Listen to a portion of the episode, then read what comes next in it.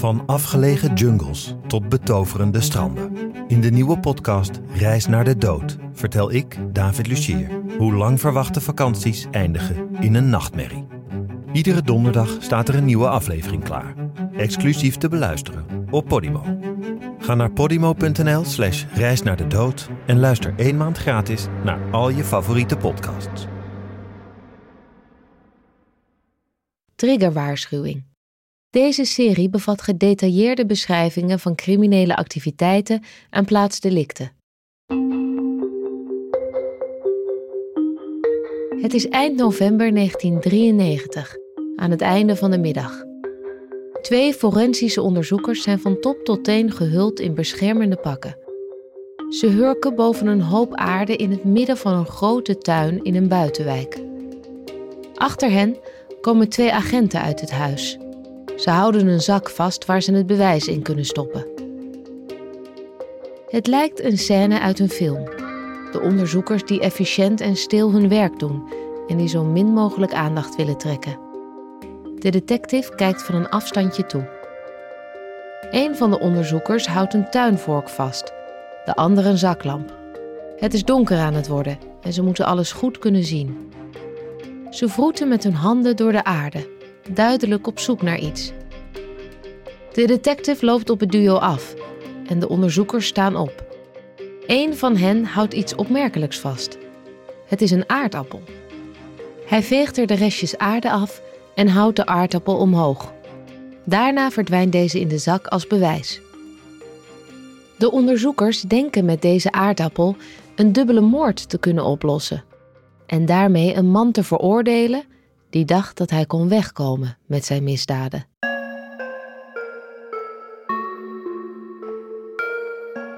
Mijn naam is Sanne Langelaar. Welkom bij Het Bewijs. Deze serie biedt een unieke kijk achter de schermen bij de meest opmerkelijke strafzaken van over de hele wereld. Luister en ontdek hoe simpele alledaagse voorwerpen het doorslaggevende bewijs werden en hielpen bij het oppakken van moordenaars. Van Podimo en What's the Story Sounds is dit Het Bewijs, aflevering 8, De aardappel.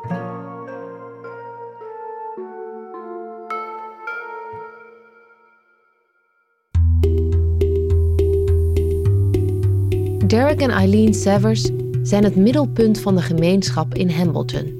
Het is een slaperig dorp en het wordt aan drie kanten omgeven door het stuwmeer Rutland Waters. Er wonen niet meer dan 250 mensen en zoals meestal het geval is in kleine dorpen, kent iedereen elkaar. En iedereen kent al helemaal Derek en Eileen, die al meer dan 20 jaar in het dorp wonen. Ze zijn vriendelijk naar iedereen, betrouwbaar en helpen altijd een handje in de buurt. Ze worden enorm gewaardeerd in de kleine maar hechte gemeenschap. De 68-jarige Derek is lang een succesvolle zakenman geweest. Hij maakte jarenlang lange dagen en moest veel reizen. Maar nu kiest hij voor een makkelijker en rustiger leven. Hij is een grote, stevige man van ruim 100 kilo. Daarmee is hij een opvallende verschijning en is hij regelmatig in het centrum van het dorp te vinden. Hij praat er met vrienden, bezoekt de slager, gaat wat drinken in het café en houdt zich bezig nu hij geniet van zijn pensioen. Zijn vrouw is de 69-jarige Eileen. Haar passie is vrijwilligerswerk en ze is er de hele tijd mee bezig. Zoveel dat ze in 1990 zelfs geridderd is om haar inzet bij liefdadigheidsevenementen en als vrijwilliger in een gevangenis. Het stel werkte hard en veel en daardoor hebben ze het goed voor elkaar. Ze wonen in een prachtig gelijkvloers huis met uitzicht op het water. Ze hebben een enorme tuin, een mooie auto voor de deur en ze gaan vaak op vakantie. Samen hebben Derek en Eileen een zoon, Roger, van 38.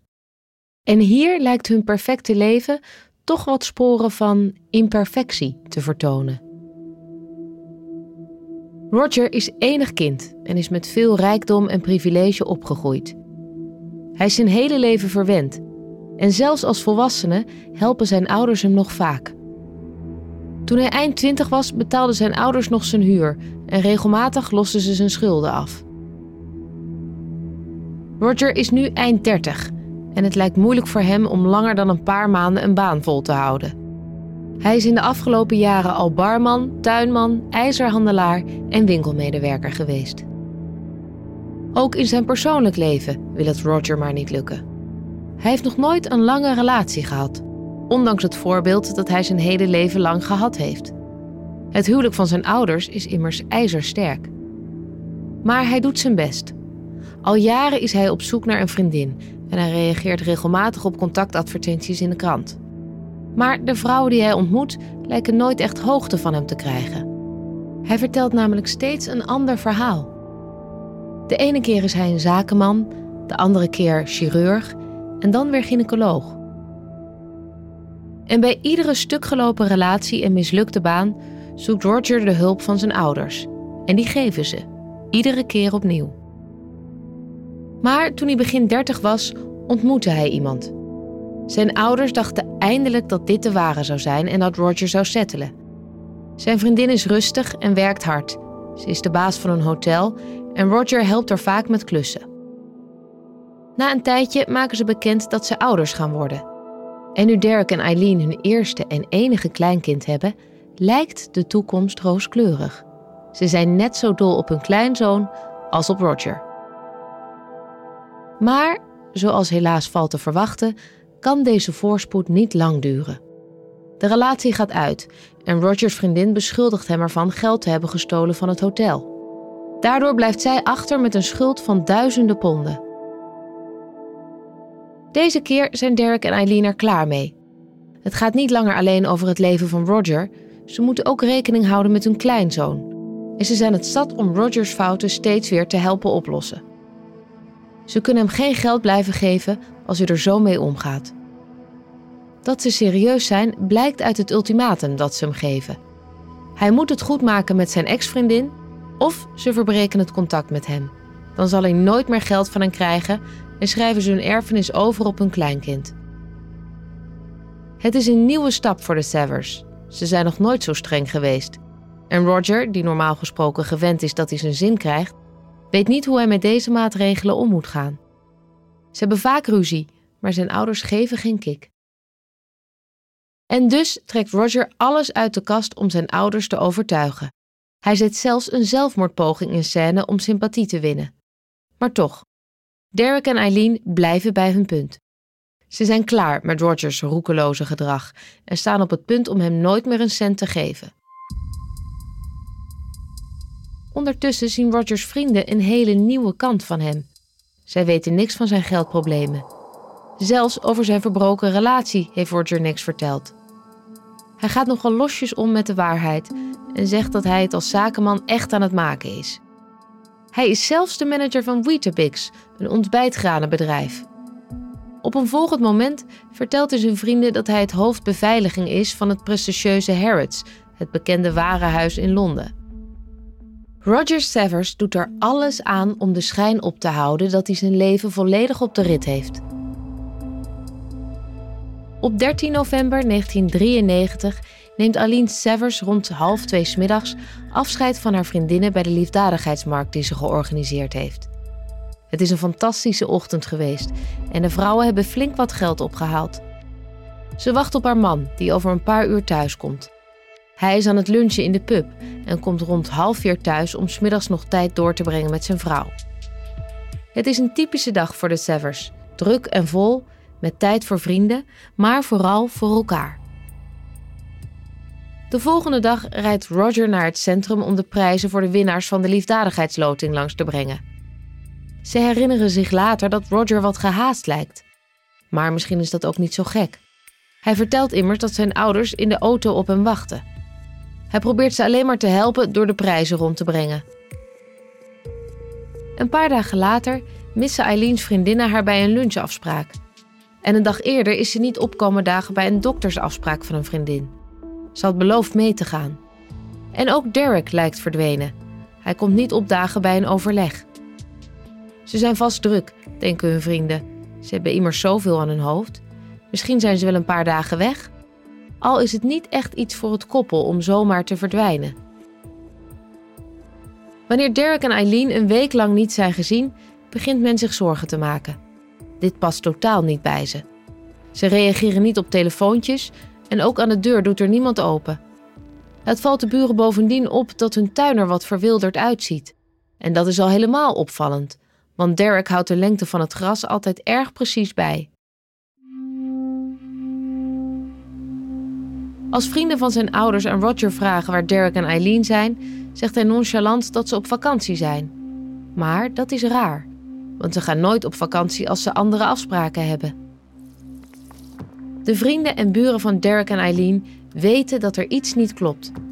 En een week nadat ze hen voor het laatst hebben gezien, op 18 november 1993, geven ze het stel bij de politie op als vermist. De alarmbellen gaan niet gelijk af bij de politie. Eileen en Derek zijn volwassen mensen en hun zoon lijkt niet bezorgd. Dus in eerste instantie denkt de politie dat de vrienden wat overdreven reageren. Zo gaat dat nou eenmaal in een klein dorp. Roddels gaan er snel rond. Toch gaat een agent polshoogte nemen bij het huis. Hij klopt aan bij het huis van de Severs en Roger doet open. Ze zijn op vakantie, volgende week zijn ze terug, vertelt hij kalm aan de agent. Opgelucht gaat de agent naar huis. Alles lijkt helemaal in orde. Maar als even later detective John Kavanagh zich over de zaak buigt, vindt hij dat er toch een huiszoekingsbevel moet komen. Het lijkt hem vreemd dat de betrouwbare Derek en Eileen nu niets van zich laten horen. Hij wil zeker weten dat er niets mis is. Op vrijdag 20 november klopt detective Kavanagh samen met zijn collega aan bij het huis van de Severs. Deze keer vragen ze of ze even binnen mogen kijken. Roger lijkt druk bezig te zijn geweest nu zijn ouders niet thuis zijn. Zo heeft hij het een en ander aan het interieur veranderd. Hij heeft de vloerbedekking in de badkamer en keuken weggehaald. Volgens Roger was het bad overgelopen en was het tapijt daardoor beschadigd. Hij wilde zijn ouders verrassen met een nieuwe. En in de keuken had hij een pan kapot laten vallen. De olievlekken waren niet uit het tapijt gekomen. Hij heeft ze beide verbrand in de tuin. Het huis ziet er rommelig en zelfs vies uit. En dat past niet echt bij de familie Severs, die normaal gesproken naast punctueel ook heel netjes en geordend zijn. Terwijl de agenten rondkijken in het huis en in de tuin, vragen ze Roger waar zijn ouders zijn. Op vakantie, maar waar precies, dat weet hij niet meer. Ze zijn een tijdje weg. Volgende week komen ze terug. De agenten kijken elkaar snel aan. Hier klopt iets niet. De agenten komen later terug om Roger mee te nemen voor verhoor in het politiebureau, maar hij lijkt verdwenen. Ze verspreiden zijn signalement in het dorp. Roger wordt gezocht voor de verdwijning van zijn ouders. Het zorgt bij de politie voor een tweestrijd. Sommige agenten geloven dat het mogelijk is dat Derek en Eileen op vakantie zijn. Op treinstation King's Cross ondervragen ze medewerkers om te zien of het koppel daar is geweest.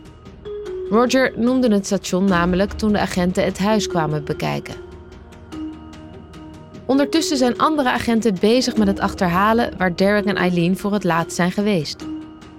Daardoor komen ze erachter dat ze voor het laatst gezien zijn bij het liefdadigheidsevenement en bij de lunch in de pub. Detective Kavanagh heeft een theorie, maar heeft nog niet de forensische middelen om die theorie te bewijzen. Nu Roger niet thuis is, onderzoeken de forensische experts de omgeving van het huis van de Severs. Ze moeten zich een weg banen door het rommelige huis en door de verwilderde tuin en zijn op zoek naar alles dat hun theorie kan bewijzen. In een dorp een paar kilometer verderop krijgt de politie een tip binnen over waar ze Roger kunnen vinden. Hij is de ene in de plaatselijke vijver aan het voeren en lijkt compleet verrast wanneer de politie vraagt of hij meegaat naar het bureau. Hij heeft geen idee wat er allemaal aan de hand is, zegt hij. Ondertussen zijn de onderzoekers druk in de weer in het huis. Ze ontdekken iets vreemds in de tuin. Overal in de tuin ligt een laagje van de koude novembervorst, die flikkert in het ochtendlicht. Maar in de moestuin heeft de rijp een hoopje gevormd. Het lijkt alsof de aarde recent is omgewoeld. De agenten gaan op onderzoek uit. Misschien ligt hier wel iets begraven. In de badkamer vinden ze kleine bruine vlekjes op de muren en rond het toilet.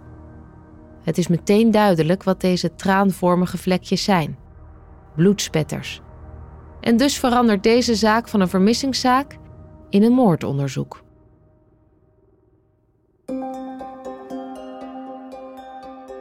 In de badkamer sprayen de onderzoekers een goedje rond.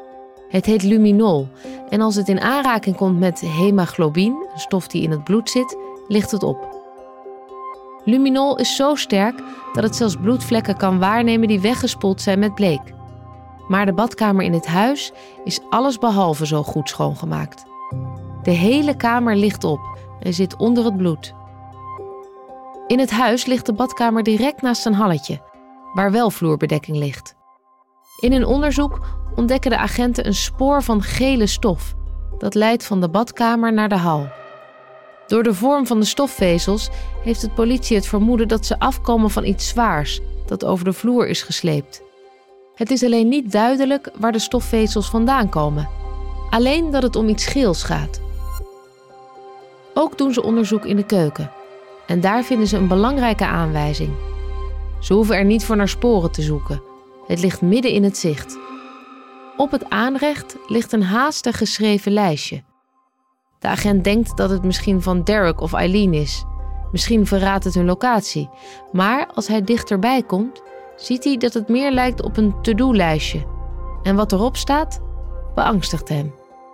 Vaders auto schoonmaken, badkamer schoonmaken. Het lijkt op een to-do-list over hoe je bewijs vernietigt. Bewijs van moord. Terwijl Roger wordt verhoord op het politiebureau, gaat het forensisch deel van het onderzoek onverminderd door. En zo doorzoeken de experts ook de garage. Er wordt geen bloed gevonden, maar wel een natte plek op de vloer die naar bleek ruikt. En die ontdekking vraagt om verder onderzoek. Het lijkt er sterk op dat er iets vreselijks is gebeurd met Eileen en Derek. En het lijkt er ook op dat Roger daar iets mee te maken heeft. Ieder stukje bewijs leidt naar hem. Het lijstje, de bloedvlekken, de stofvezels. Maar hij geeft niks toe. Mensen maken nou eenmaal lijstjes, zegt hij.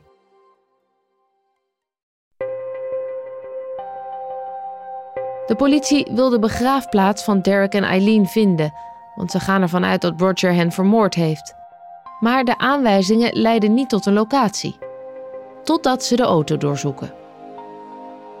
De auto van Derek blijkt de jackpot vol bewijzen te zijn. Ze vinden er dezelfde gele stofvezels in de achterbak en op de stoelen zitten bloedvlekken. Ook zit de auto onder de modder, tot in de groeven van de wielen.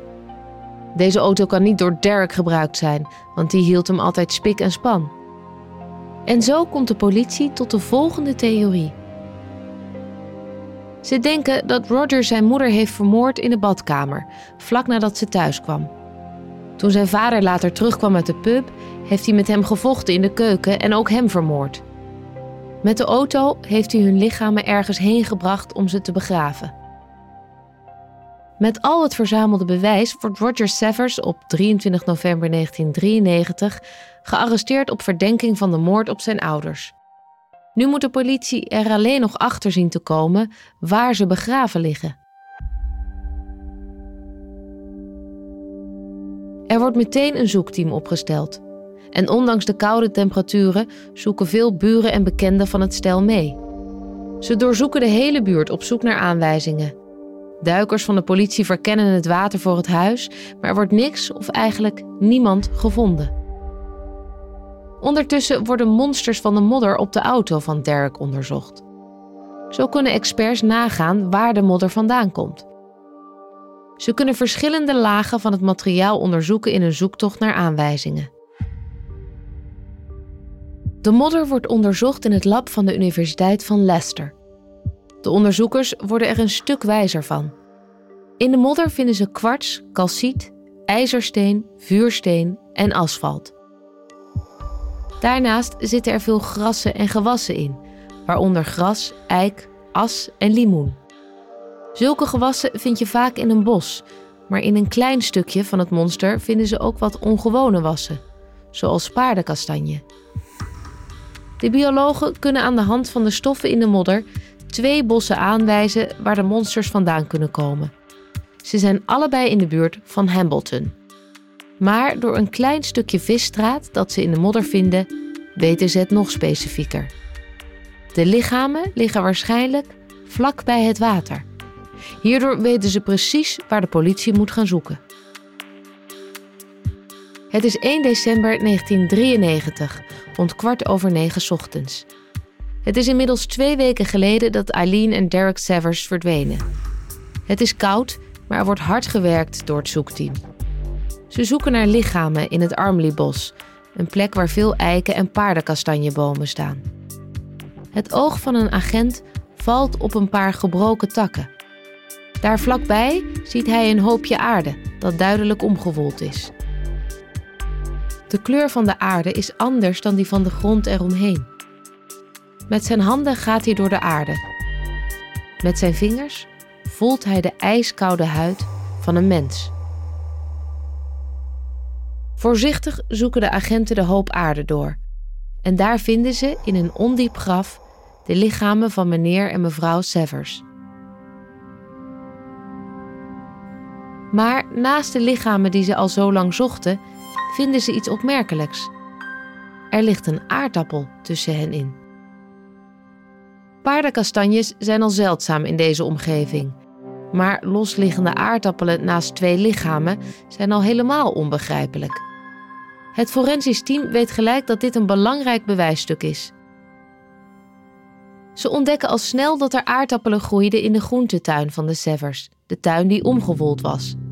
En uit de analyse van de aardappel blijkt dat de aarde waarin de lichamen liggen afkomstig is uit hun eigen tuin. En dat kan maar één ding betekenen. Door de analyse van de aardappel kan detective Kavanaugh de puzzelstukjes bij elkaar leggen.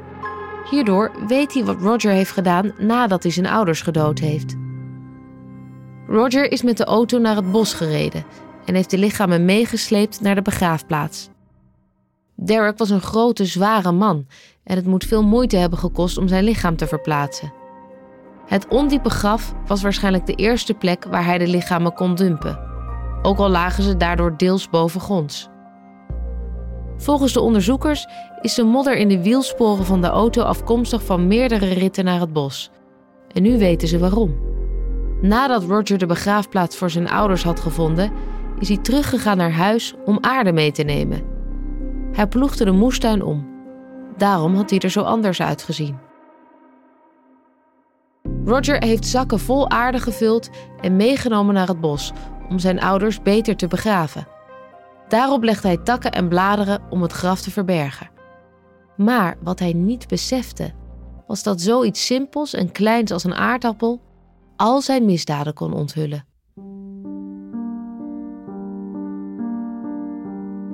Eileen Severs is minstens acht keer geslagen met een soort hamer, waardoor ze een fractuur in de schedel opliep. Waarschijnlijk heeft ze nog een half uur geleefd. Derek Severs is op zijn minst tien keer geraakt met dezelfde hamer, waarschijnlijk een vleeshamer. De zaak is compleet. Maar waarom heeft Roger dit zijn ouders aangedaan? Roger wordt geconfronteerd met al het bewijs tegen hem, maar weigert iets te zeggen. De theorie van de agenten is dat Roger boos was dat hij geen geld meer kreeg van zijn ouders. Hij werd boos en viel zijn moeder aan. Uren later herhaalde hij die daad bij zijn vader. Maar Roger ontkent alles. Een jaar later, in november 1994, begint de rechtszaak. De aanklager toont al het bewijs en komt dan bij het ultieme bewijsstuk: de aardappel. Zo legt hij aan de jury uit hoe de begraafplaats wel door Roger moet zijn gemaakt. Geconfronteerd met al deze feiten verandert Roger zijn eis. Hij zegt schuldig te zijn, maar beweert ontoerekeningsvatbaar te zijn. De aanklager weigert de ontoerekeningsvatbaarheid van Roger te geloven.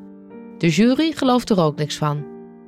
Op 6 december 1994 wordt Roger Severs schuldig bevonden aan de moord op zijn ouders. Hij wordt veroordeeld en krijgt tweemaal levenslang opgelegd. Hij zit vandaag de dag nog steeds vast. Dit was de achtste aflevering van Het Bewijs, de Nederlandse bewerking van de Engelse podcast Smoking Gun. Die serie is gemaakt met ondersteuning van de British Society of Forensic Science, geproduceerd door What's the Story Sounds Vertaald door Andrea Huntjes en verteld door mij, Sanne Langelaar. Het Bewijs is een productie van Dag en Nacht Media in opdracht van Podimo. De montage en mixage is gedaan door Jasper Bogaert, de productie door Anne Jansens en Gabi van Schaik. Graag tot de volgende keer.